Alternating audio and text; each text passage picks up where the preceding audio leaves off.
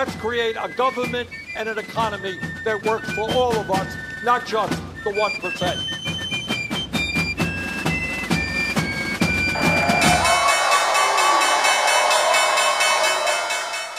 היי אלי, מה נשמע? Uh, הכל מצוין, בדיוק חזרתי מלשדר איזה קטע קצר בכאן 11 על זה שמשפחת סקלר, השם שלה יורד בדיוק. כמה מפתיע, כמה ימים אחרי שאנחנו הקלטנו פודקאסט, שסיום הפודקאסט קראנו לאנשים להיאבק להסרת השם של משפחת סקלר מהבית ספר לרפואה בתל אביב, ראיתם מה זה? תוך שלושה ארבעה ימים uh, כשל שוק הצליח להפיל אחת מהמשפחות הכי עשירות בעולם וזהו, מורידים את השלט, הכל בזכותנו אביעד.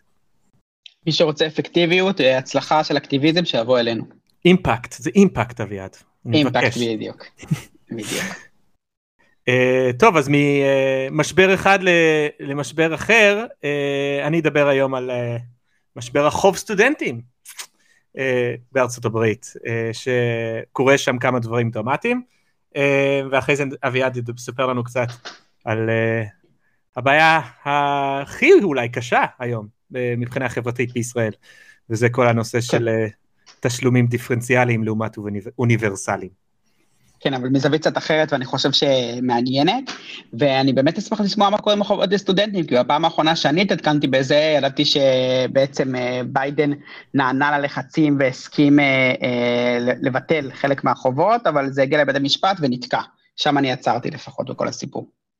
נכון, אז, אז קודם כל צריך להגיד, ארה"ב, טריליון וחצי דולר בערך של חובות סטודנטים, זה יותר מכרטיסי אשראי, חוב סטודנטים זה גם חוב שמאוד מאוד מאוד מאוד קשה לצאת ממנו, אם יש חובות אחרים שאתה יכול להכריז על בנקרפסי uh, uh, uh, ובעצם uh, איכשהו לצאת מזה, אז פה זה רודף אותך לכל החיים, אמנם שם בעניין הזה היו כמה שינויים קטנים אולי, איזה שופט אחד עשה איזה שינוי, אבל אנחנו עדיין לא רואים איזשהו משהו דרמטי, ולכן עדיין חוב שמאוד מאוד מאוד מאוד קשה לברוח ממנו, אם לא תשלם את החוב הזה בסופו של דבר, ימצאו אותך ויתחילו לנקות את השכר שלך וכל מיני דברים אחרים.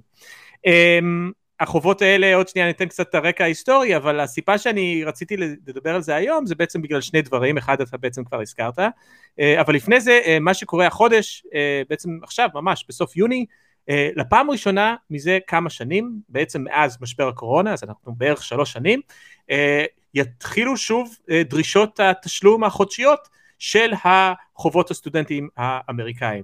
בעצם אנחנו היינו בתקופה עכשיו של שלוש שנים, שכל הזמן בעצם כשמשבר הקורונה התחיל, אחד הדברים הראשונים שעשו, בעצם ממשל טראמפ עשה, התחיל עם זה, היה בעצם להקפיא את uh, התשלומי uh, uh, uh, חובות לסטודנטים, להקפיא גם את, את ההצברה של הריבית, uh, כלומר בעצם בשלוש שנים האחרונות אמריקאים, uh, ויש הרבה אמריקאים עם חובות סטודנטים, אה, מיליוני אמריקאים עם חובות סטודנטים ובעצם האמריקאים האלה אה, בעצם אה, התרגלו למציאות חדשה שהתשלום שנע בסביבות ה-300 דולר בחודש שזה הרבה מאוד כסף בדרך כלל במשפחה אמריקאית ממוצעת או אצל בן אדם אמריקאי ממוצע ההוצאה השנייה בגודלה בחודש אחרי דיור זה החוב סטודנטים שיש לו אז בעצם למשך השנים האחרונות אה, הם פשוט לא שילמו את זה, לא היו צריכים לשלם את זה, התרגלו קצת לא לשלם את זה, אה, ואנחנו חושבים גם שהפעילות הכלכלית המאוד מאוד חיובית שאנחנו רואים בשנים האחרונות בארצות הברית,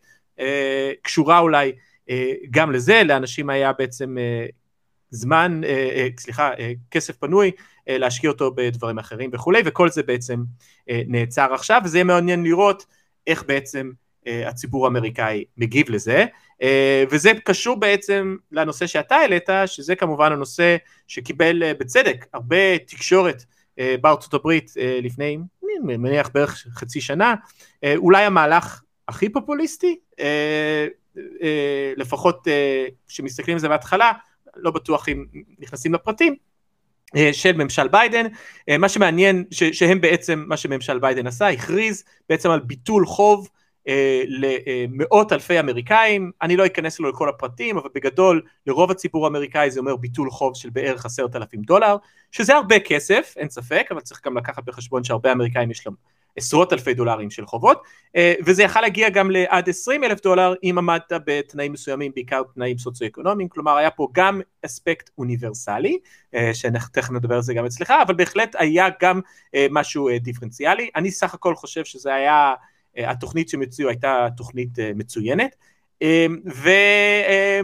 ואנחנו מחכים לראות מה קורה עם זה, בעצם כבר התחילו הדיונים בבית המשפט העליון, בית המשפט העליון בעצם החליט כבר שהוא רוצה אה, בעצם, אה. כלומר בית המשפט העליון בארצות הברית יכול לבחור באיזה אה, תיקים אה, ובאיזה נושאים להתעסק או לא, אה, מישהו בעצם תבע את אה, ביידן וממשל ביידן אה, ואמר שבעצם ביטול החובות האלה זה משהו שהוא מעבר לכוח של נשיא, צריך להגיד שאחת הסיבות שנשיא, שביידן עשה את זה זה בגלל שזה בעצם משהו שביידן יכל לעשות, איזושהי מדיניות פיסקלית, שתכף אני אסביר למה אני קורא לזה מדיניות פיסקלית, אבל זה היה מדיניות פיסקלית שביידן יכל לעשות דרך executive action, כלומר דרך אה, מהלך שרק הוא יוזם, הוא לא היה צריך את הקונגרס, אנחנו יודעים המצב בארצות הברית בסנאט בשנים שביידן אה, נשיא הם אה, גבוליים מאוד ועכשיו בכלל אין לו מה לחפש כי בית, בית הנבחרים בידיים רפובליקאיות ולכן אחת הביקורות על ביידן היו בערך הרבה זמן שאוקיי אנחנו מבינים שאתה לא יכול לחוקק כל מיני חוקים אבל יש עוד הרבה דברים שאתה יכול לעשות ואחד הדברים שהעלה שוב ושוב ושוב זה הרעיון הזה שצריך להגיד גם שזה רעיון של הביטול חובות סטודנטים זה רעיון פשוט מעולה אה, באמת איך הצליחו אה, אקטיביסטים ו- וגם אה, מומחים וכלכלנים שמאלניים וכל מיני קבוצות אחרות של מומחים וכולי, בעצם לקחת רעיון שהיה באמת בשוליים של השוליים של השוליים, אני זוכר ב-2008 שיוצא הספר של דייוויד גרייבר על דט וכתבתי על זה מאמרים ובעצם יצאו כל מיני תנועות שקראו על הרעיון של ביטול עבדות וביטול חובות וחזרו לרעיון של ה... בעצם רעיון תנכי של היובל, אה, מחיקת חובות, שבעצם זה בעצם אה, גם כלכלית זה דבר מאוד חכם לעשות לפעמים, וגם מוסרית זה דבר אה, נכון לעשות וכולי, ובאמת זה היה מדהים לראות איך הנושא הזה באמת עבר מהשוליים של השוליים, מהפרינג' של הרדיקלים אל הלב ליבה של המיינסטרים האמריקאי אצל ג'ו ביידן, שבסופו של דבר עשה מהלך והחליט לבטל את החובות, חלק מהחובות סטודנטים. אני אגיד רק, אה, כמובן אני חייב אה, בכל זאת לתת ספין קצת שלילי לכל הסיפור הזה. אה, אחת הסיבות שביידן עשה את זה, זה בגלל שביידן וממשל ביידן בעצם הבינו שהם נמצאים בבעיה. שטראמפ הוא זה שעצר את תשלומי החוב, שבעצם למשך תקופה ארוכה האמריקאים לא שילמו בכלל את החובות סטודנטים שלהם, ובעצם אם ביידן פשוט היה אומר, אוקיי, מעכשיו צריך להתחיל לשלם חובות, שזה בעצם מה שהוא הולך לעשות בסוף החודש הזה, אז uh, זה לא היה נראה טוב, זה היה יכול לפגוע לו פה, פה, אה, פוליטית, וגם אולי אנשים פשוט לא היו משלמים בכלל, כלומר אל תשכחו, למרות שזה חובות שרודפים אותך, אם אנשים מספיק נואשים, אם אין להם את הכסף, אז בסוף הם לא משלמים, ואנחנו יודעים שאחוז האמריקאים שבעצם לא מצליחים את החובות, לשלם את החובות סטודנט שלהם, הולך ועולה אה, בשנים האחרונות. אז בעצם ממשל ביידן ניסה בעצם לתת פה איזה ממתק כדי בעצם לבלוע את, את הכדור המר, אה, שבעצם אומר, אוקיי, תקשיבו חברים, זהו, הגיע הזמן שתתחילו לשלם שוב את החובות סטודנטים. אבל אה, אנחנו נוריד קצת את החובות. ודבר אחרון שאני רק אגיד ואז אני אה, אה, אה, נפתח את זה לדיון אבל הדבר האחרון שאני רוצה להגיד זה שצריך לזכור שרוב החובות סטודנטים בארצות הברית הם חובות ממשלתיים, חובות פדרליים, בעצם המודל האמריקאי אה, הוא משהו כמו 80% מכל החובות סטודנטים, זה הלוואות, אה, אה, בעצם אפשר לקרוא לזה ציבוריות, הלוואות של הממשלה האמריקאית, אה, שבעצם אה, מגיעים לסטודנטים ואז הסטודנטים האלה לוקחים את הכסף הזה והרבה פעמים מזרימים אותו למוסדות פרטיים. אה, לפעמים מוסדות פרטיים כמו הרווארד או פשוט אוניברסיטות פרטיות ולפעמים אפילו משהו הרבה יותר נבזי שאולי שווה לעשות עליו פרק שלם מתישהו וזה אוניברסיטות למטות רווח שכן גם זה קיים בארצות הברית והאמת היא הרבה מאוד מהחובות סטודנטים בשנים האחרונות הלך בסופו של דבר לקומץ קטן של באמת אה, צריך להוציא את זה מחוץ לחוק, גם לטראמפ היה כזה מתישהו, רק שתבינו איזה עסק מפוקפק אנחנו מדברים עליו, אבל אוניברסיטות למטרות רווח שמנסים בעצם למקסם רווחים כמו איזה תאגיד פרטי. אה, אז אני רק אסכם להגיד שבעצם אם אני מסתכל על זה מנקודת מבט בזו, אז נכון, יש פה איזשהו מהלך רדיקלי של ביטול סטודנטים, ביטול חובות, אבל זה לא ש... בואו, בואו נירגע, זה לא שפגעו פה בזכויות הקניין של הבנקים, זה לא שבאו אה, לבנקים, הבנקאים הכי חזקים באמריקה ואמרו להם, תקשיבו, אה, אנשים לא הולכים לשלם את ה... צריך לתת לכל העם תספורת ולא כולם יקבלו, ישלמו את, חז... את, אה, את החובות שלהם, המשכנתאות שלהם ל-JP מורגן או ל-Chase מנהטן או כל הבנקים האלה, ממש לא. בסופו של דבר, החוב הזה נמצא בידיים ממשלתיות, אז כשארצות הברית בעצם מבטלת את החוב הזה, אפשר לראות את זה בדומה לסוג של tax cut, או בעצם סוג של uh, הורדת מיסים, uh, כלומר uh, להכניס יותר כסף לכיסים uh, של אזרחים, ובעצם ארצות הברית פשוט, uh, uh, ההכנסות הממשלתיות שלהם ירדו. וזה כמובן מהלך שהוא מאוד פופולרי ומאוד הגיוני, ממשל ביידן שבאמת עושה דברים מאוד יפים, אבל בגדול אפשר לראות שהוא ממש לא הצליח להעלות מיסים על עשירים, ולכן כמעט כל מדיניות שביידן עושה, בין אם זה הדברים שכבר דיברנו בתוכנית הזאת על אה, כל ההשקעות הציבורי, הסובסידיות וההטבות מס בשביל לבנות אה, מפעלים ואנרגיה ירוקה וכל הדברים האלה, הכל בסופו של דבר זה בעצם, אה, פשוט הממשלה בעצם תכניס פחות כסף. אז צריך להגיד גם במאמר מוסגר שיש פה רעיון רדיקלי, אבל הוא נשמע יותר רדיקלי ממה שהוא באמת. ואני רק אסיים ואני אגיד שבסוף החודש הזה בית משפט או תחילת חודש הבא בית משפט העליון אמור להחליט האם הדבר הזה חוקתי או לא, וכרגע הסימנים מעידים על כך שהם הולכים לפסול את זה. כלומר, יכול להיות שיהיה לנו מצב אה, שחצי שנה או שנה לפני הבחירות בארצות הברית, בית משפט העליון השמרני, שמזוהה מאוד עם המפלגה הרפובליקאית, בעצם תגיד למיליוני אמריקאים, סורי, uh, אבל העשרת אלפים דולר האלה שחשבתם שתקבלו מהקטנה, לא תקבלו אותם.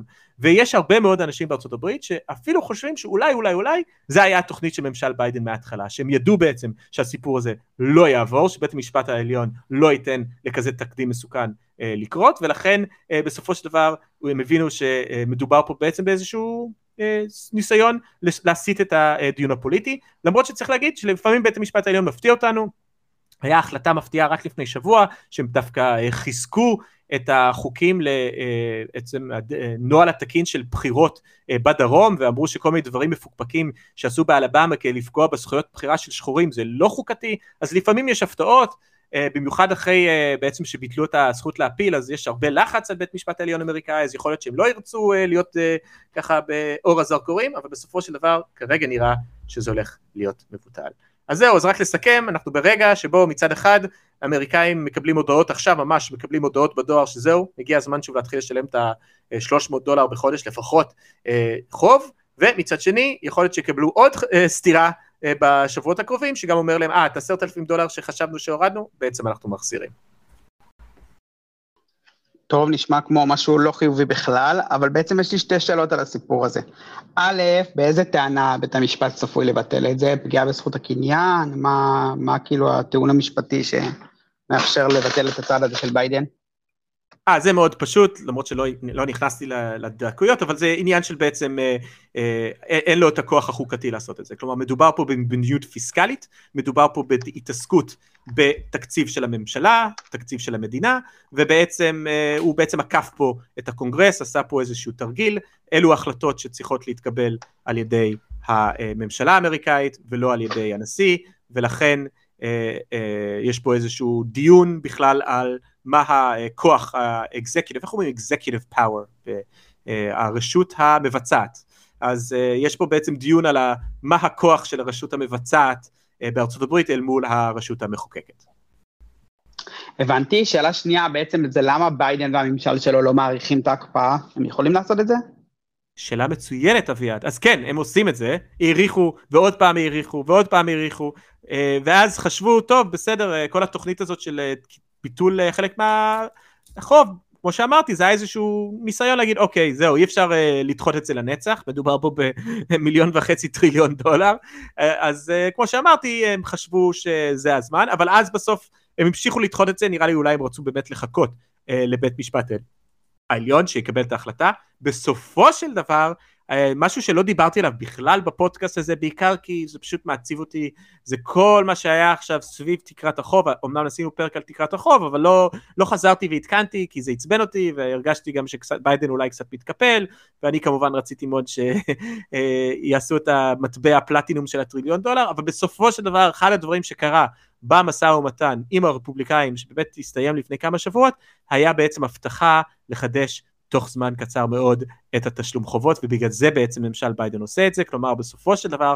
אפשר גם להגיד שאולי ממשל ביידן עושה פה טעות, כל התהליך הזה שהם בעצם נתנו אה, לקומץ אה, קטן של אה, פסיכופטים רפובליקאים בבית הנבחרים אה, להחזיק בעצם אה, hostage, ערובה, את כל הכלכלה האמריקאית, בסוף הם נאלצו להיכנס איתם למשא ומתן, ועכשיו את מי יאשימו על זה שהחובות האלה חזרו שוב? אני מניח שאת ביידן.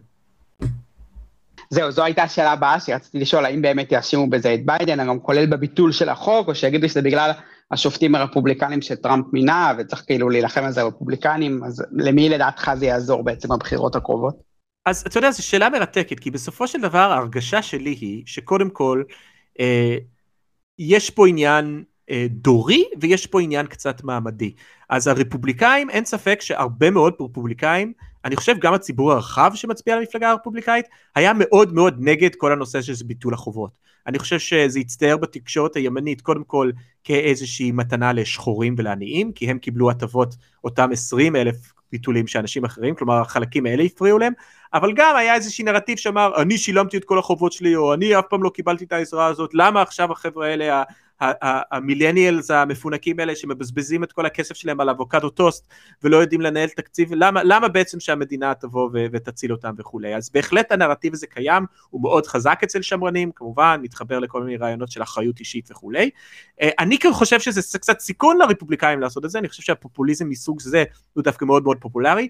אני מניח שאחד הדברים אבל שהסיבה שהם עושים את זה, זה קודם כל בגלל שהם יודעים שמעמד הפועלים, חלק גדול מאוד ממצביעי טראמפ, ה base שלו לא הלך לקולג', צריך להגיד עדיין, 50% מהאמריקאים לא הולכים לקולג', כלומר בכל זאת יש הרבה מאוד שלא הולכים לאוניברסיטה ולכן הם לא רוצים את המדיניות הזאת, והדבר השני זה עניין דורי בעצם, שבסופו של דבר מדובר בהטבה בעיקר לאנשים בגילאי 20, 30, 40, ואם רק תסתכלו על בעצם למי אנשים מצביעים בארצות הברית, הרפובליקאים מאוד מאוד מאוד בונים על זה שהרבה מאוד צעירים לא הולכים לקלפי, הם בעצם לא מצביעים, הגיל החציוני של מצביע בארצות הברית הוא בערך 54 ראיתי מתישהו, אה, הרבה זקנים מצביעים והרבה צעירים לא, ולכן הרפובליקאים בעצם אומרים טוב אנחנו יכולים להיות נגד הדבר הזה אה, ועדיין זה לא יפגע בנו, אה, ולכן אני חושב שאני לא יודע אם בסוף יאשימו את ביידן או לא, אני לא יודע גם כמה המשמעות של זה, אבל אין ספק שאני חושב שמבחינת ה base של ביידן, או לפחות הרצון שלו להרחיב את ה base שלו, להעביר אנשים אולי צעירים אה, מהמפלגה הרפובליקאית למפלגה הדמוקרטית, או יותר חשוב מזה,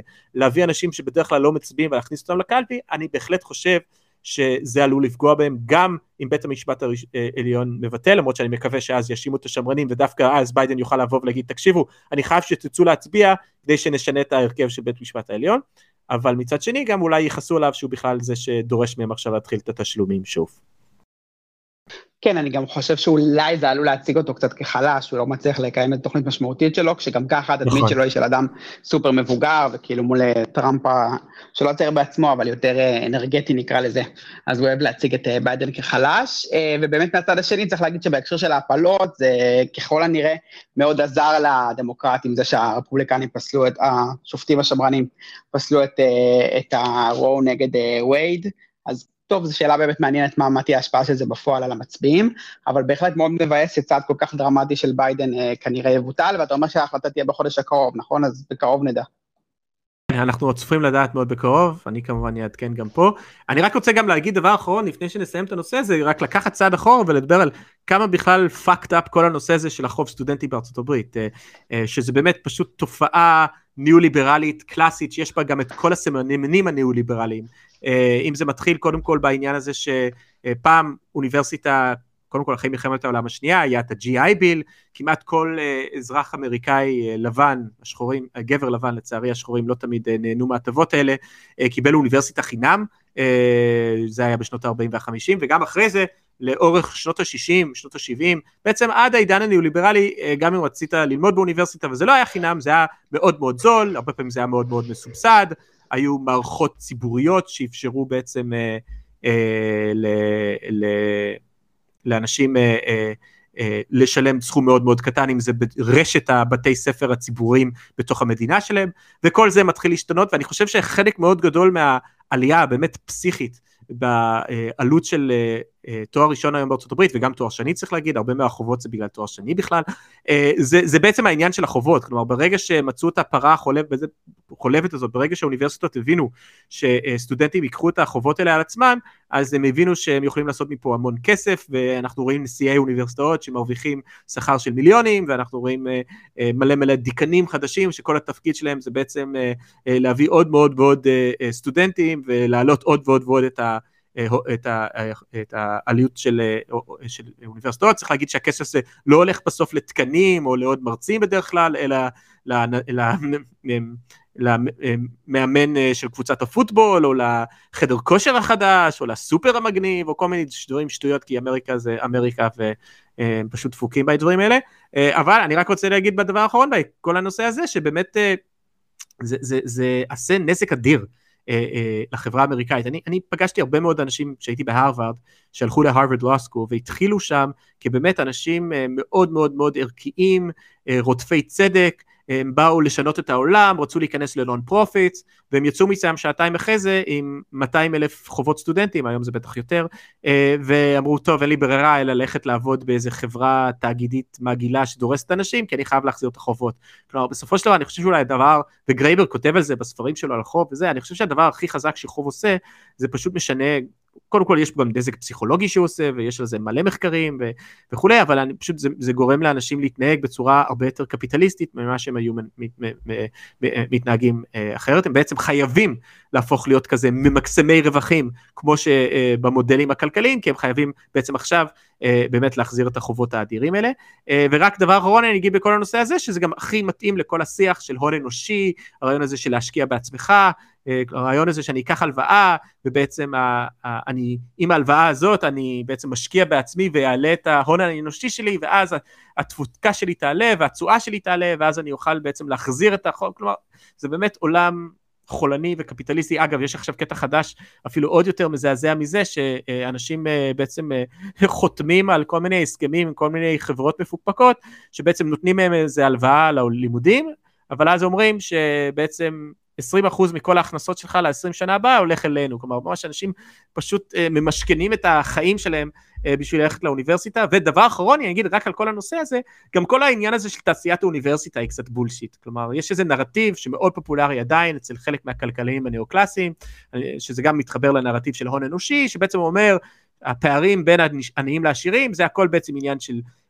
מיומנות ופריון ותפוקה ואנשים עשירים בגלל שהם יעילים יותר וזה ה-knowledge economy ואתה אם אתה לא יודע אם אתה לא לומד באוניברסיטה אז אתה לא תהיה יעיל ולא יהיה לך תפוקה ולכן תרוויח חרא ואני חושב שיש המון המון מחקרים בשנים האחרונות שבעצם אומרים שקודם כל זה כנראה לא השקעה כזאת טובה אה, לקחת את החובות האלה, כלומר זה פשוט לא מחזיר את עצמו, אבל גם דבר שני שזה גם קצת בולשיט כל הנרטיב הזה שבסופו של דבר יש הרבה עובדים ממעמד הפועלים שיש להם, הם סופר יצרנים, יוצרים המון ערך, ראינו את זה בזמן הקורונה, אני חוזר למנטרה הזאת, היא נכונה, ראינו מי העובדים הבאמת חיוניים, מי האנשים שבאמת אה, יוצרים את הערך הכלכלי אה, שמאפשר לכל החברה שלנו לתפקד, ווואלה, אולי לא צריך אה, תואר ב-200 אלף דולר בשביל לעשות את זה.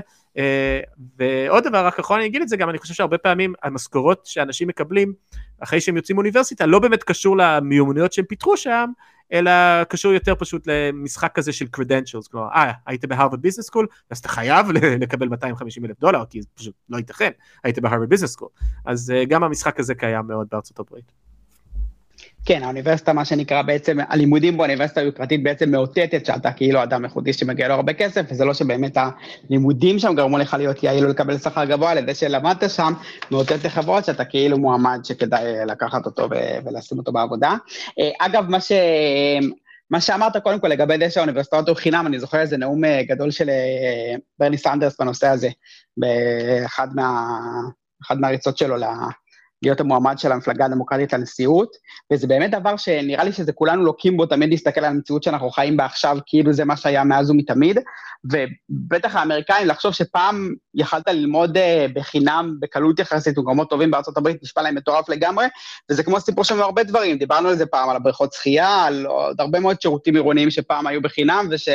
עם השנים ככה נהפכו לשירות שעולה יותר ויותר כסף, וגם לגבי מה שאמרת עם החוב, אנחנו כמובן מכירים גם את הסיפור הזה של השיעבוד לחוב, גם בעצם מהשכבות היותר חלשות, לדוגמה כל מיני אה, אה, עבודה ועובדים זרים בישראל, שמגיעים לכאן אחרי שהם שילמו הרבה מאוד כסף כדי בכלל להגיע לכאן, והם רק עובדים כאן ובעצם מכלים את החיים שלהם ובקושי נושמים, כדי, רק כדי להחזיר את החוב שהם שילמו כדי להגיע לכאן, ואפילו לא מתחילים להרוויח מזה.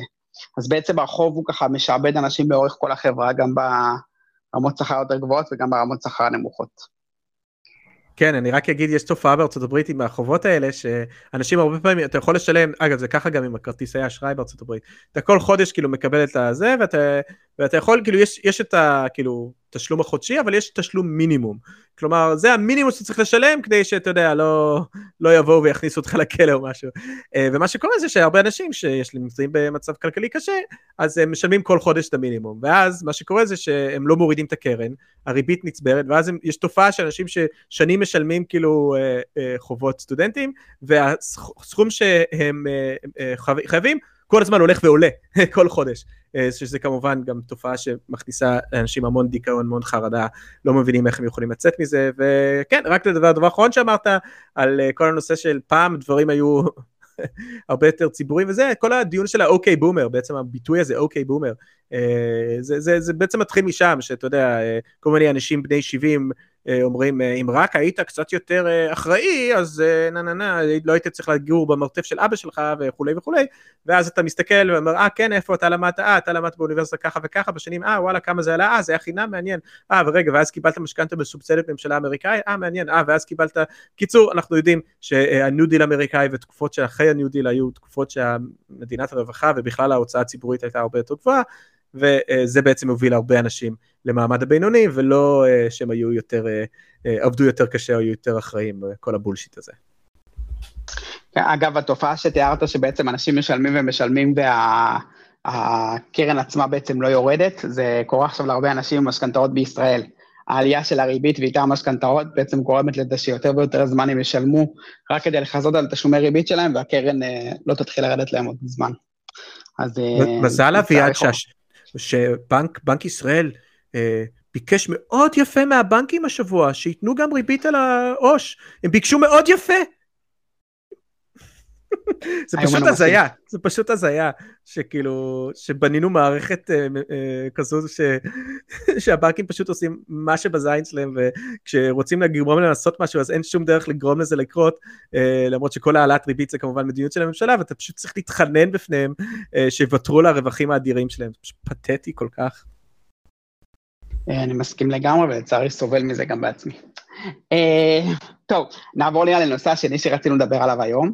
כן. אז uh, בעצם אני ראיתי uh, ציוץ בטוויטר של כתב שאני, שאני מחבב באחד העיתונים הכלכליים, שהוא סיפר בעצם על התוכנית החדשה של שרת התחבורה מירי רגב להוזלה בחלק ממחירי התחבורה הציבורית, ובעצם הוא תיאר את זה ככה, הוא כתב, משרד התחבורה מנסה לקדם מהלך שיוביל לייקור התחבורה הציבורית במרכז החילוני, ולהוזלה דרמטית של 50% במחיר לכל השאר.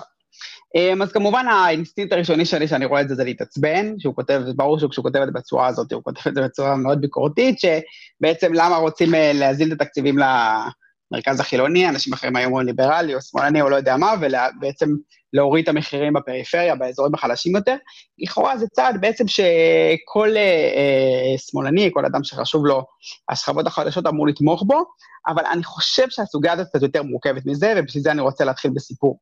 לפני הרבה שנים כבר, לדעתי, אולי כמעט כבר עשור.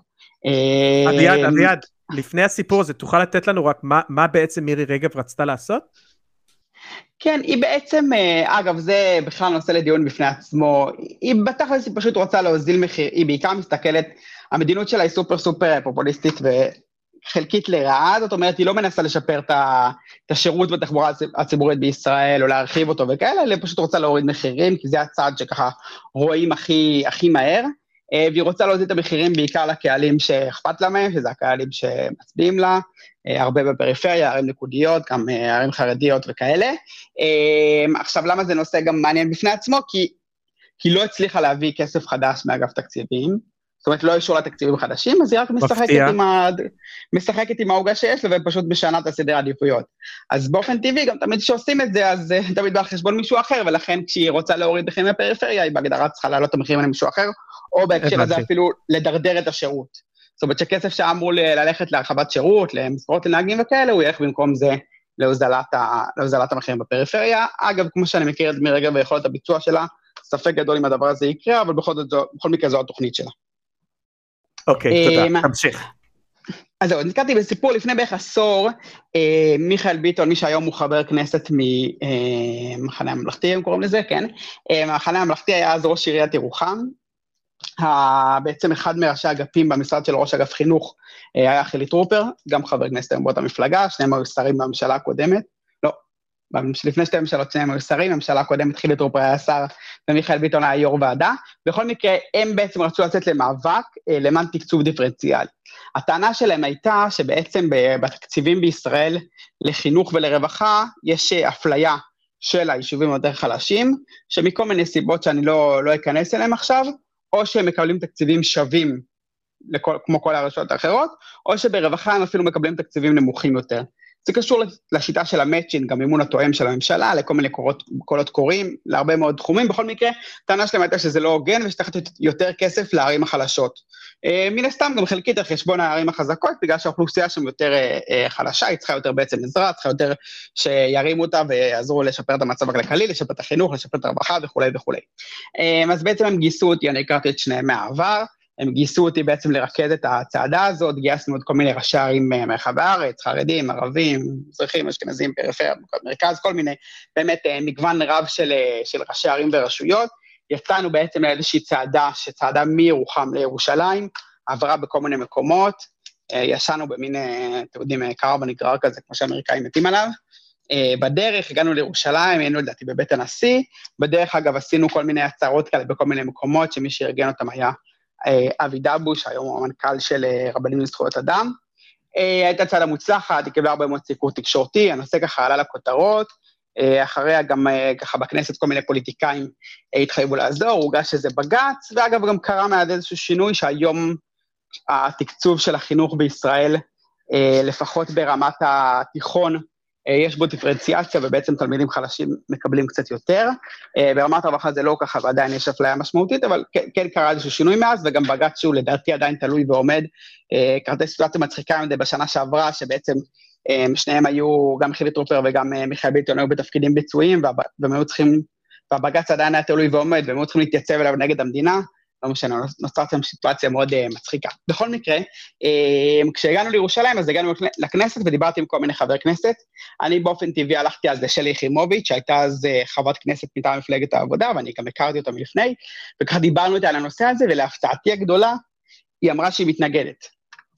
Uh, לא הבנתי למה, היא הייתה ידועה אז בתור... Uh, חברת כנסת סופר חברתית, זאת דמוקרטית, מישהי שמאוד אכפת לה בנושאים האלה, שיש לה גם יחסית הישגים יפים של חקיקה בנושאים האלה, הרבה יותר מרוב הח"כים האחרים, וככה כתבה והתבטאה בנושאים, וממש לא הבנתי למה היא מתנגדת לזה, ואז היא אמרה לי שהיא פשוט חושבת שצריך לתת הרבה לכולם, ושהמדינות צריכה להיות יותר אוניברסלית, ושלא צריך לתת למקום, לירוחם יותר מ...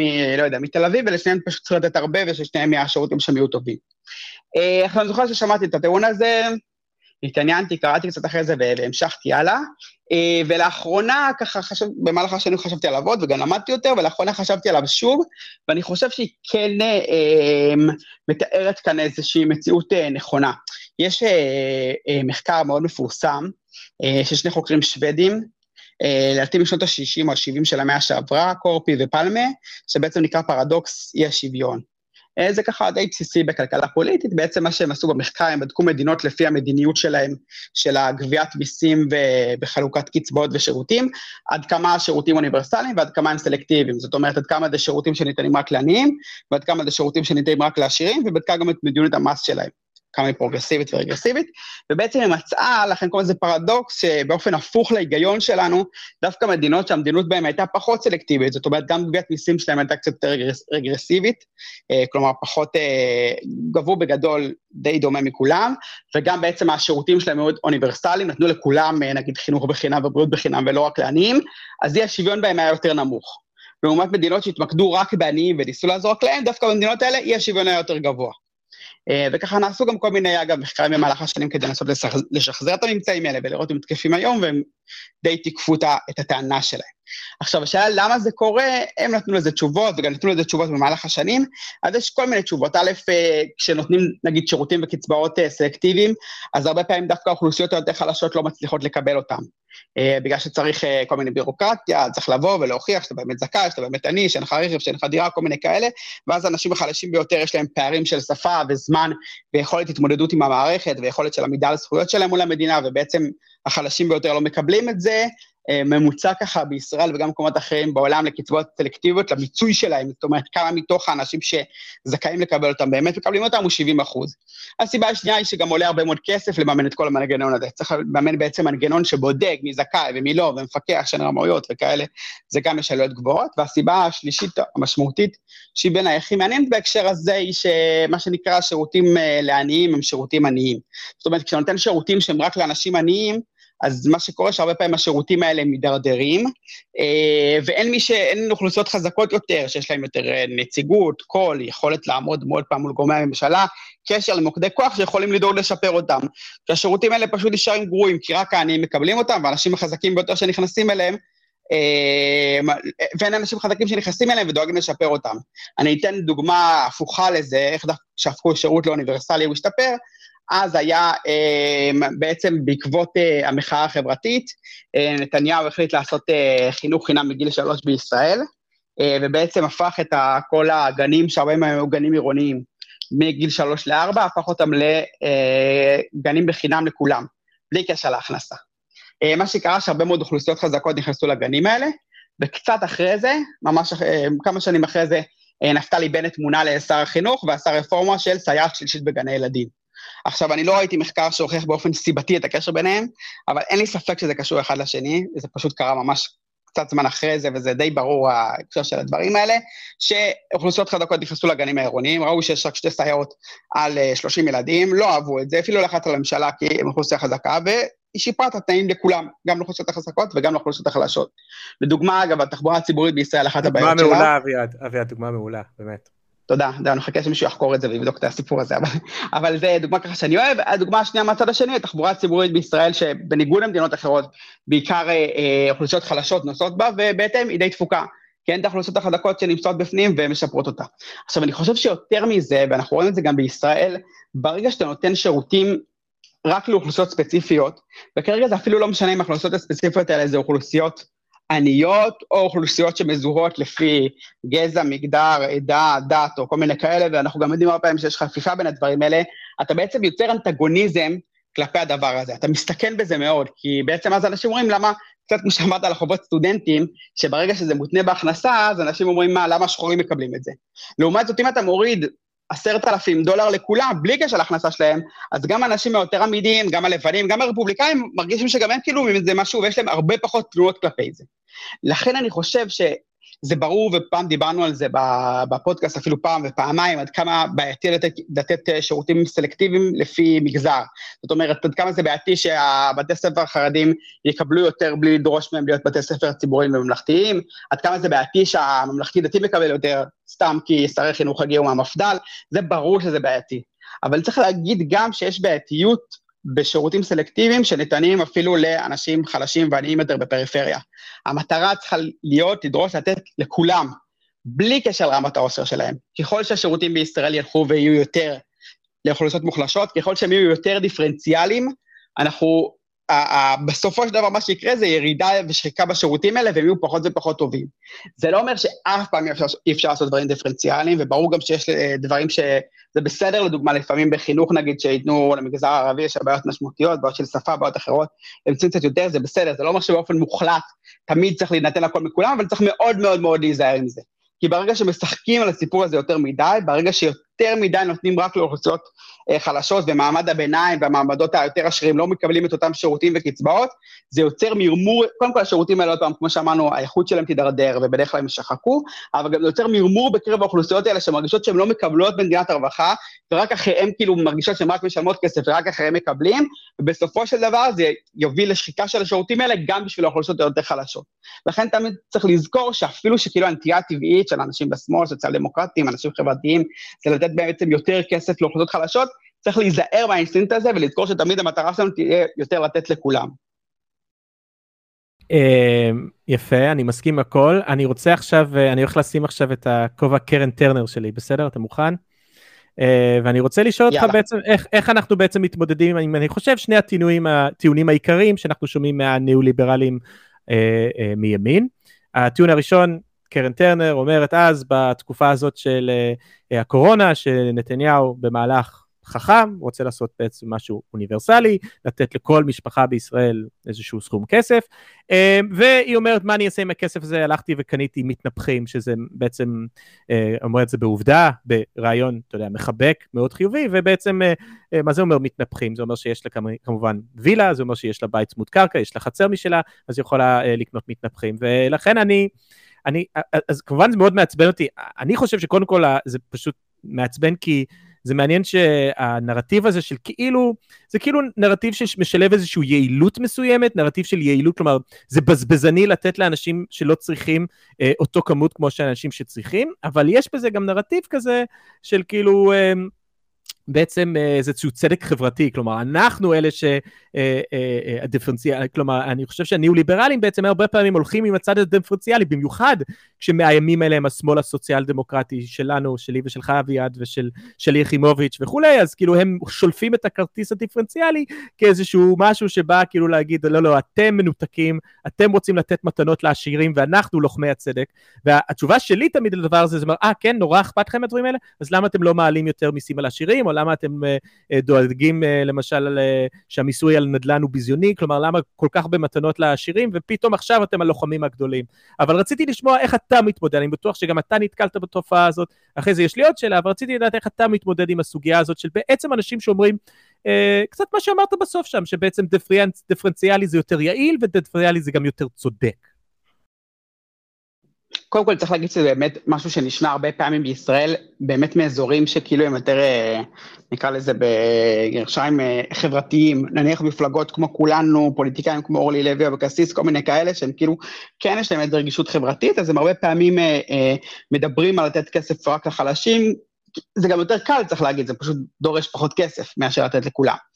אבל זה הרבה יותר קשה בגלל הבירוקרטיה, זה הרבה יותר קשה. נכון, נכון, זה קשה. אם ביבי היה רוצה לחלק לאנשים כסף, כמו שאמרת, שזה סיוט בירוקרטי וזה היה לוקח הרבה יותר נכון. זמן, ובמקום שתוך שנייה טאק כל הכסף היה בחשבון בנק, זה היה לוקח חודשים.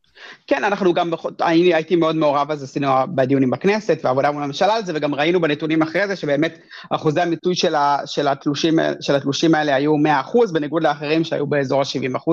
קלאסיקה, זה באמת קרה ממש לפי, לפי הספרים, זה קרה לפי התיאוריה, אותו דבר.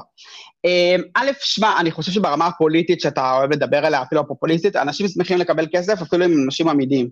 אתה, אני מניח שאתה לא צריך לסלם מזון בבית, שמחת לקבל את הצ'קים האלה מטראמפ.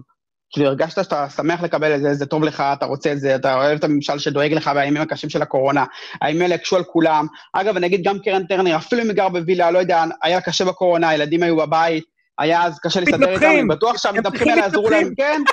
עזרו, לא עזרו להם, גם המתנפחים האלה עזרו להם, כאילו אפשר לחשוב איזה נורא, זה גם מתנפחים, לא, אני לא, אין לי לא צרה בה, כאילו, זה בסדר גמור שהיא גם מתנפחים עם הכסף הזה, ואם כל כך כואב לה גם, היא יכלה לתרום את הכסף הזה לעמותה שעוזרת לעניים, כל כך כואב לה לקבל את הכסף הזה על חשבון מישהו אחר, אם זה באמת היה ככה. אגב, צריך להגיד מהצד השני שיש גם פתרון שהרבה פעמים מציעים אותו, שאומרים שאולי צריך פשוט להחשיב אה, כל מיני קצבאות כאלה בהכנסה ולמסות אותם פשוט. ואז אתה כאילו מהצד השני, אתה מכסה את זה שהבאת את זה לאנשים אולי מאוד עשירים. זה פשוט אתה מחשב את זה כחלק מההכנסה שלהם וממסה. אז זה גם פתרון מההקשר הזה, אבל אני אומר, אני גם אוהב את הפתרון הזה, אבל אני אומר, במידה מסוימת צריך גם להיזהר בו. אני רוצה שגם אנשים עשירים יקבלו קודם כל בטח שירותים חינם, גן חינם ובית ספר חינם ותחבורה ציבורית טובה וזולה ואפילו דיור בר השגה אם הם צריכים אותו. כאילו, שאני רוצה שיקבלו את הדברים האלה ואני רוצה גם שיקבלו קצבת ילדים. זה בסדר, וגם קצבת נכות, זה... כשלוקחים את הדברים האלה מהאנשים החזקים יותר, בסוף החלשים יידפקו. זה פשוט, זה, זה, אתה יודע, זה כאילו, זה מין סוג של דברים כאלה שבאמת, אה, זה ההבדל בין אה, איך זה עובד ברמת הנוסחה והתיאוריה הכלכלית או היעילות הפשוטה, לבין פשוט איך שבני אדם עובדים. אנשים, הם מתמרמרים כשנותנים למישהו אחר ולא להם. תגיד להם, הוא צריך יותר ממך, אז מה? אבל הוא אומר, אני שילמתי כל החיים שלי, למה שאני לא אקבל את זה? ובסוף, בגלל שהם אומרים את זה, אז הם לא מוכנים גם שיעלו את זה, ואז הקצבאות שנותנים רק לחלשים ולא להם, הן נשחקות ונשחקות, וקצבאות מאוד מאוד נמוכות, ולעומת זאת שזה קצבאות שגם הם מקבלים אותם, ושירותים שגם הם מקבלים אותם, וגם הם נהנים מזה, בסוף הם נהיים אה, אה, שירותים ו- וקצבאות יותר גבוהים ויותר טובים. זה פשוט, באמת יש לזה ספור מחקרים, גם רואים את זה בעולם, אגב, זה גם אפשר להגיד בהרבה מובנים, מה שקרה לדיור הציבורי בישראל, שהוא הפך, ברגע שהוא הפך נכון. רק לחלשים בלבד, הוא פשוט הידרדר והתרסק. ככה פשוט בני אדם עובדים, וצריך מאוד מאוד מאוד להיזהר מהנטייה הזאת, היא מובנת, אני מבין את הרצון לתת רק לחלשים, זה באמת יותר קל, וגם באמת יש בזה היגיון. אתה יודע, תמיד אוהבים להגיד, למה שרי ארסון מקבל את קצבת ילדים? זה כאילו תמיד מה שאוהבים להביא אותנו. קודם כל צריך להגיד כמה שרי ארסון יש. רוב האנשים שאני מכיר, אפילו אנשים... שרי ארסון המשפט הזה, או מישהו מקורב אליה. היא פוחדת פחד מוות לשלם מיסים יותר גבוהים. כן, גם אנשים במעמד הביניים בישראל, אפילו, אפילו עשירונים 7, 8, הם ישמחו מאוד למענקים כאלה, זה עוזר להם מאוד שיש הנחות, זה עוזר להם מאוד שיש חינוך מגיל שלוש, הרבה יותר קל להם להסתדר ככה, זה מאוד מאוד עוזר להם, וזה לא שהחיים שלהם זה חיים באיזה על ענן ורוד ואין להם דאגות כלכליות.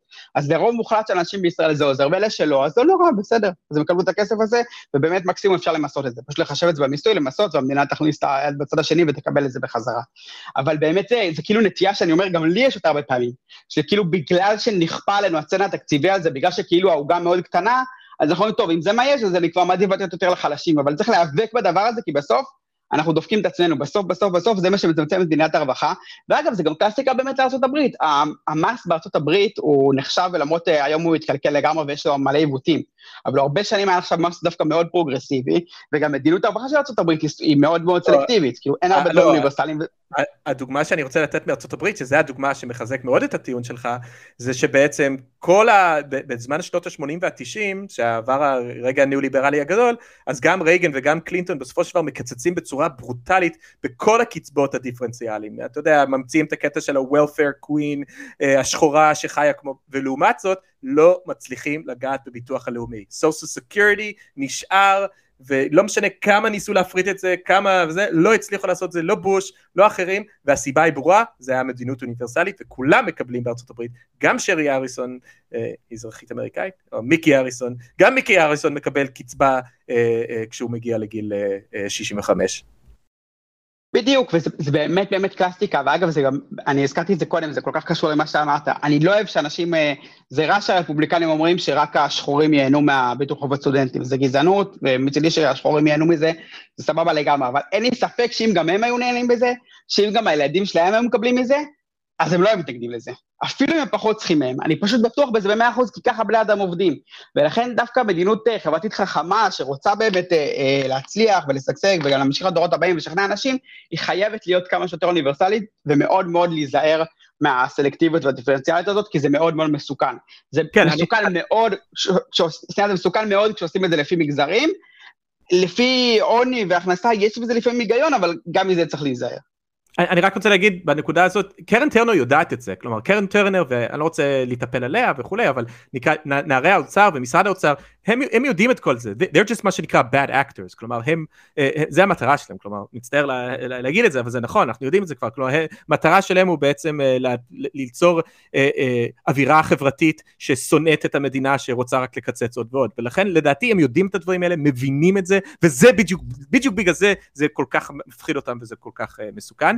השאלה השנייה שרציתי לשאול אותך אבל, זו שאלה שאני נתקל בה גם, ויותר מאתגרת, וזה קשור בעצם לשנאת החרדים שיש בישראל היום, שבעצם נוצר מצב שגם האוניברסלי הופך לדיפרנציאלי. אה, במובן הזה שאתה אומר להם, אה, אפילו ברמה של, אתה אומר לאנשים, אה, אני תומך בדיור ציבורי, או אני תומך בקצבאות ילדים, או אני תומך בחינוך חינם מגיל אפס, אוניברסלי. וישר הדבר הראשון שאתה תקבל תשובה בטוויטר, בזה, מכל uh, אבירי המקלדות uh, הניאו-ליברליים למיניהם, זה, אה, אתה רוצה בעצם לתת מתנה לחרדים, אתה רוצה לסבסד את החרדים, אתה רוצה להח, להחמיר עוד יותר את הדמוגרפיה של חרד, אה, חרדים וכולי, כלומר, הצליחו ליצור נרטיב שבעצם גם שזה אוניברסלי, זה בעצם דיפרנציאלי, וזה בכלל, אני כבר לא יודע מה לעשות עם זה, זה mindfuck רציני. כן, אני צריך להגיד עוד לגבי מה שאמרת קודם, שגם אז מה קורה? מקימים מנגנון שהוא בעצם בודק אה, מי עני ומי עשיר ולמי מגיע, ואז, אה, ויש לו מסמכים וביורוקרטיה ופיקוח, ואז מתחילים להגיד כל פעם מימין, תראו איזה מנגנון בנו, תראו איזה ביורוקרטיה זה, זה לא נוח, זה לא מאפשר, אנשים שבאמת צריכים לא מקבלים, מפקחים אחרי אנשים, זה, זה מלא, זה צריך להשיג שם, זה הרבה מאוד כסף, אנשים מרמים את זה, ואז כאילו, מתלונ... בנו את כל המנגנ... בונים מנגנוני ענק כדי לבדוק אם אנשים הם אה, מרמים או לא מרמים, ואם, ו... ויש תלונות על הרמאות נגד המדינה, ואז גם בסוף סוגרים את המנגנון הזה ומבטלים את השירות, כי בעצם זה לא יעיל ולא טוב, וחבל סתם מבזבזים על זה כסף. אז כאילו זה, זה מין המנגנון הסלקטיבי הזה, הדיפרנציאל, הוא מנגנון שמחלל את עצמו, שבעצם אין לו אורח חיים אה, משמעותי. לגבי מה שאמרת, אה, זה נכון, וצריך להגיד שבאמת, כאילו, גם, קודם כל ברמה האמיתית, יש אתגר יותר גדול בישראל, כאילו, אני חושב שהחברה החרדית, בגלל שהיא חברה שיש בה איזושהי אידיאולוגיה של אי יציאה לעבודה, ואי לימודים, וגם פריון ילודה משמעותי, היא כן מהווה אתגר באופן כללי לחברה הישראלית, וספציפית למדינת הרווחה, אבל אני חושב שגם כאן, הרבה פעמים, דווקא בניגוד לאינסטינקט של אנשים, הפתרון הוא אוניברסלי, ואני, ואני אתן דוגמה.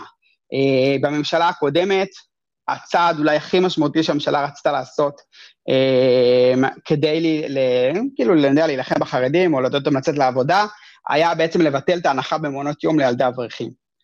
עכשיו, צריך להגיד, אם כל עוד בישראל, המצב בישראל היום שלא מגיע, לא מגיע לכולם אה, חינוך חינם מגיל אפס וגם לא סבסוד, אלא מגיע רק לחלק מהאנשים לפי הכנסה.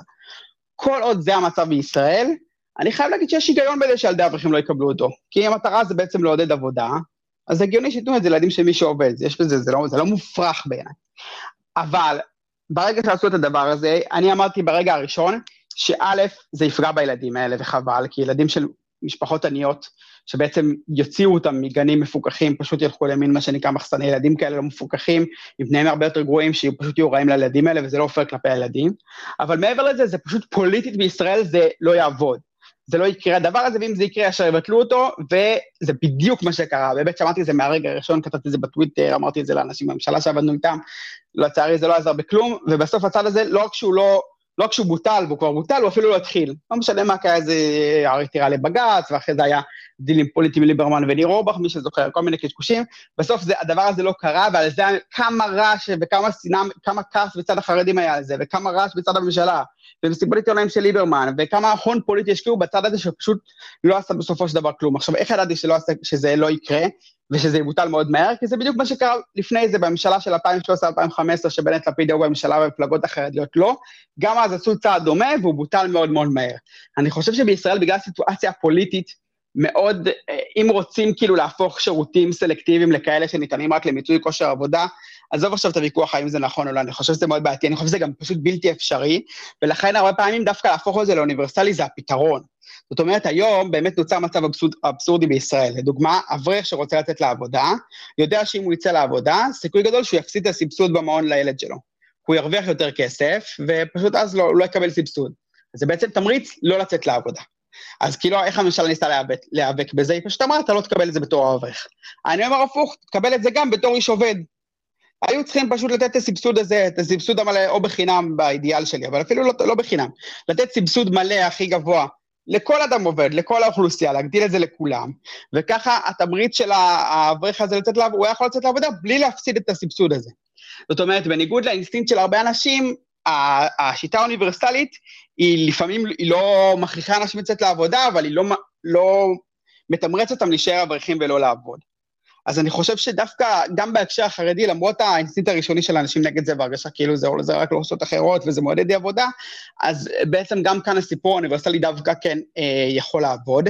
אה, אני גם אגיד שאני חושב שאנשים, אני לא חושב, אני רואה שאנשים קצת מגזימים עם המספרים ועם הנתונים וזה, זאת אומרת, אה, בסוף גם אם נותנים אה, א', אני שמח גם לעזור לחרדים, וגם לילדים שלהם מגיע, לחרדים ולילדים שלהם מגיע לקבל שירותים טובים וחיים טובים ורמת חיים טובה כמו כל האנשים האחרים, וזה מובן מאליו, וכאילו גם הרבה פעמים אני שומע ביטויים שאתה יודע, בארה"ב זה נאמר כלפי אה, שחורים והיספנים על ידי הימין שם עמוק, ובישראל זה כאילו נחשב לדבר סבבה לגמרי ששמאלנים אומרים אותו, אז זה לא סבבה, ובני אדם מגיע להם לקבל, לחיות חיים טובים, אם הם ערבים או חרדים או חילונים מסורתיים או לא משנה מה. אמ, ו, ומעבר לזה, יש, יש קצת הגזמה, חרדים 13% ממדינת ישראל, רוב הילדים בישראל הם לא חרדים, אם, אם נותנים כאן דברים לילדים, ייהנו מזה כל האוכלוסיות בישראל, לא רק האוכלוסיות החרדיות, זאת אומרת, יש גם קצת הגזמה עם, ה, עם הסיפור הזה, ואני גם אגיד, והדבר האחרון שאני אגיד, כשרואים האלטרנטיבה שאנשים מדמיינים, היא לא איזה מדינה ליברטריאנית שלא נותנת לאף אחד, אלא מה שאנחנו רואים עכשיו.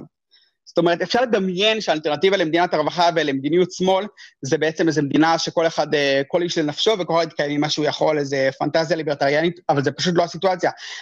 הסיטואציה, האלטרנטיבה למדינת רווחה אוניברסלית, זה למדינה קליינטיסטית כמו שאנחנו רואים עכשיו.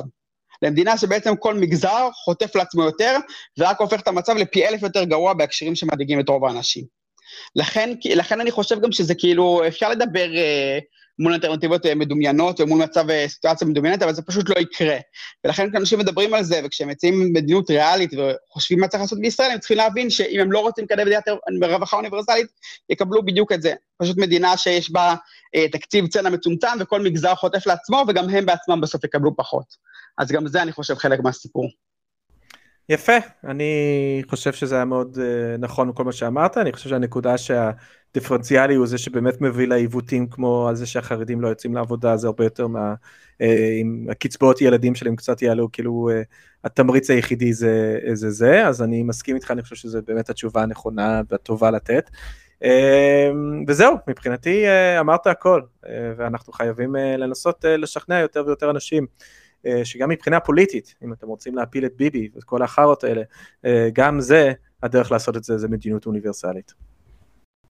אני מסכים לגמרי, ובאמת לא צריך להיכנס לזה גם, שאנחנו יודעים עד כמה שבאמת אי אה, שוויון כלכלי ושוליות כלכלית, עד כמה זה מועיל לאנשים שרוצים להילחם בדמוקרטיה, עד כמה זה מעודד כוחות או דמוקרטיים. וגם כאילו, אתה יודע, אנשים מדמיינים כאילו, שבעצם הם נגיד הם רוצים כאילו יכריח את החברה החרדית לצאת לעבודה, או לשאת בעלויות האמיתיות של המשפחות הגדולות, אז מה הם מדמיינים לעצמם? כאילו הבעיה הכי גדולה בישראל בהקשר הזה, זה מערכת החינוך. אז מה, הם רוצים שבכלל לא יהיה מערכת חינוך ציבורית, שלא יהיה מימון ציבורי למערכת החינוך?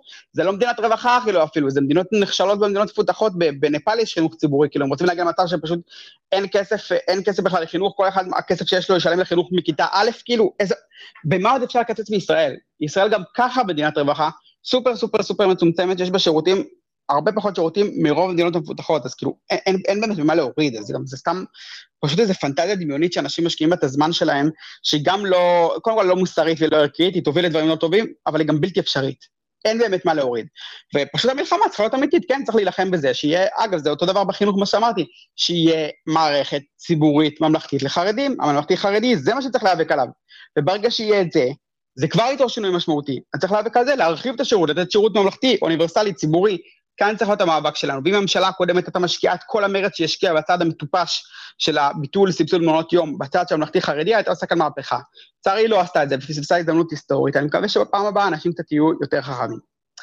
אמ, רציתי רק לסיום, להגיד שבסדרה שאנחנו תומכים בה, בקרן ברל כצנלסון, שיזמנו אותה, גם סדרת אה, בארי של הספרים, אז יצאו לה, ממש לאחרונה שני ספרים, אחד הזכרתי כאן, הספר של אה, פיקטי, שאלי גם פגש אותו, של קיצור תולדות השוויון, וממש בשבוע שעבר יצא גם הספר של הכלכלנית האיטלקייה האנגליה, מריאנה מצוקטו, כלכלת משימה, זה הספר הראשון שיוצא בעברית.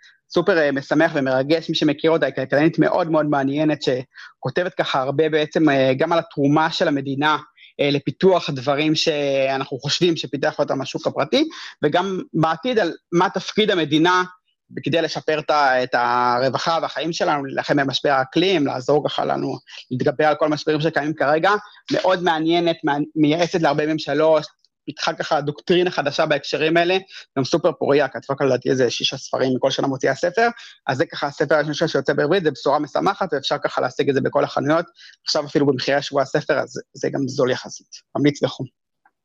יפה, כן, אה, באמת אה, ספרים מצוינים, מה שמזכיר לי שיש לי את העותק החתום שלך, אה, שאני צריך להביא לך מתישהו. ואני מסכים, אריאנה מזוקטה, אני חושב שבסופו של דבר, לדעתי, מה שאני מוציא מהטקסטים שלה, בסופו של דבר, זה הדבר הכי פשוט. אה, וזה מתחבר גם למשבר הדיור בישראל שצריך לעשות על זה פרק מתישהו, שפשוט אה, אה, הקפיטליזם גרוע בלהשקיע, הוא לא יודע להשקיע מספיק, זה תמיד תת, תת השקעה, כי ההון פוחד והוא לא רוצה להיות רווחי והוא חושש וסיכונים מדי ובסופו של דבר הדברים הגדולים שהאנושות עשתה, היא עשתה את זה דרך הוצאה ציבורית ואז בדקה ה-90 הגיע סטיב ג'ובס וגזר קופון ועשה אייפון ממלא טכנולוגיות שפחות או יותר באו מהסקטור הציבורי. טוב, יפה, אז יפה. כן, אני רק אגיד אה, שזה לגמרי נכון כן. מה שאתה אומר, ושתמיד אה, כשאמרתי את זה לאנשים, הם הביאו לי דוגמה, הנה, אבל היום יש כל מיני מיליארדרים כמו אילון מאסק, שמשקיעים הרבה כסף בדברים טובים. אז בואו אני אגיד לכם, קחו את אילון מאסק, תחשבו אם הוא הבן אדם שאתם רוצים שיחליט לאן האנושות הולכת ובמה היא צריכה להשקיע, אז בהצלחה לכם. וגם כמובן שאילן מאס בנה את כל האימפריה שלו על סובסידיות ממשלתיות, כי רצו. להשקיע באנרגיה ירוקה, זה התחיל עם אובמה. Uh, טוב, יפה מאוד, אז uh, נתראה שבוע הבא חברים, ואני מקווה שאם uh, שבוע שעבר הפלנו את משפחת סקלר, אז עד שבוע הבא כל מדיניות הרווחה הישראלית תהיה אוניברסלית, וגם כל החובות סטודנטים בארצות הברית יבוטלו. אז יש לנו עוד שבוע, אז להתראות לכולם, שיהיה לכם סוף עד שבוע. הפעם הבאה.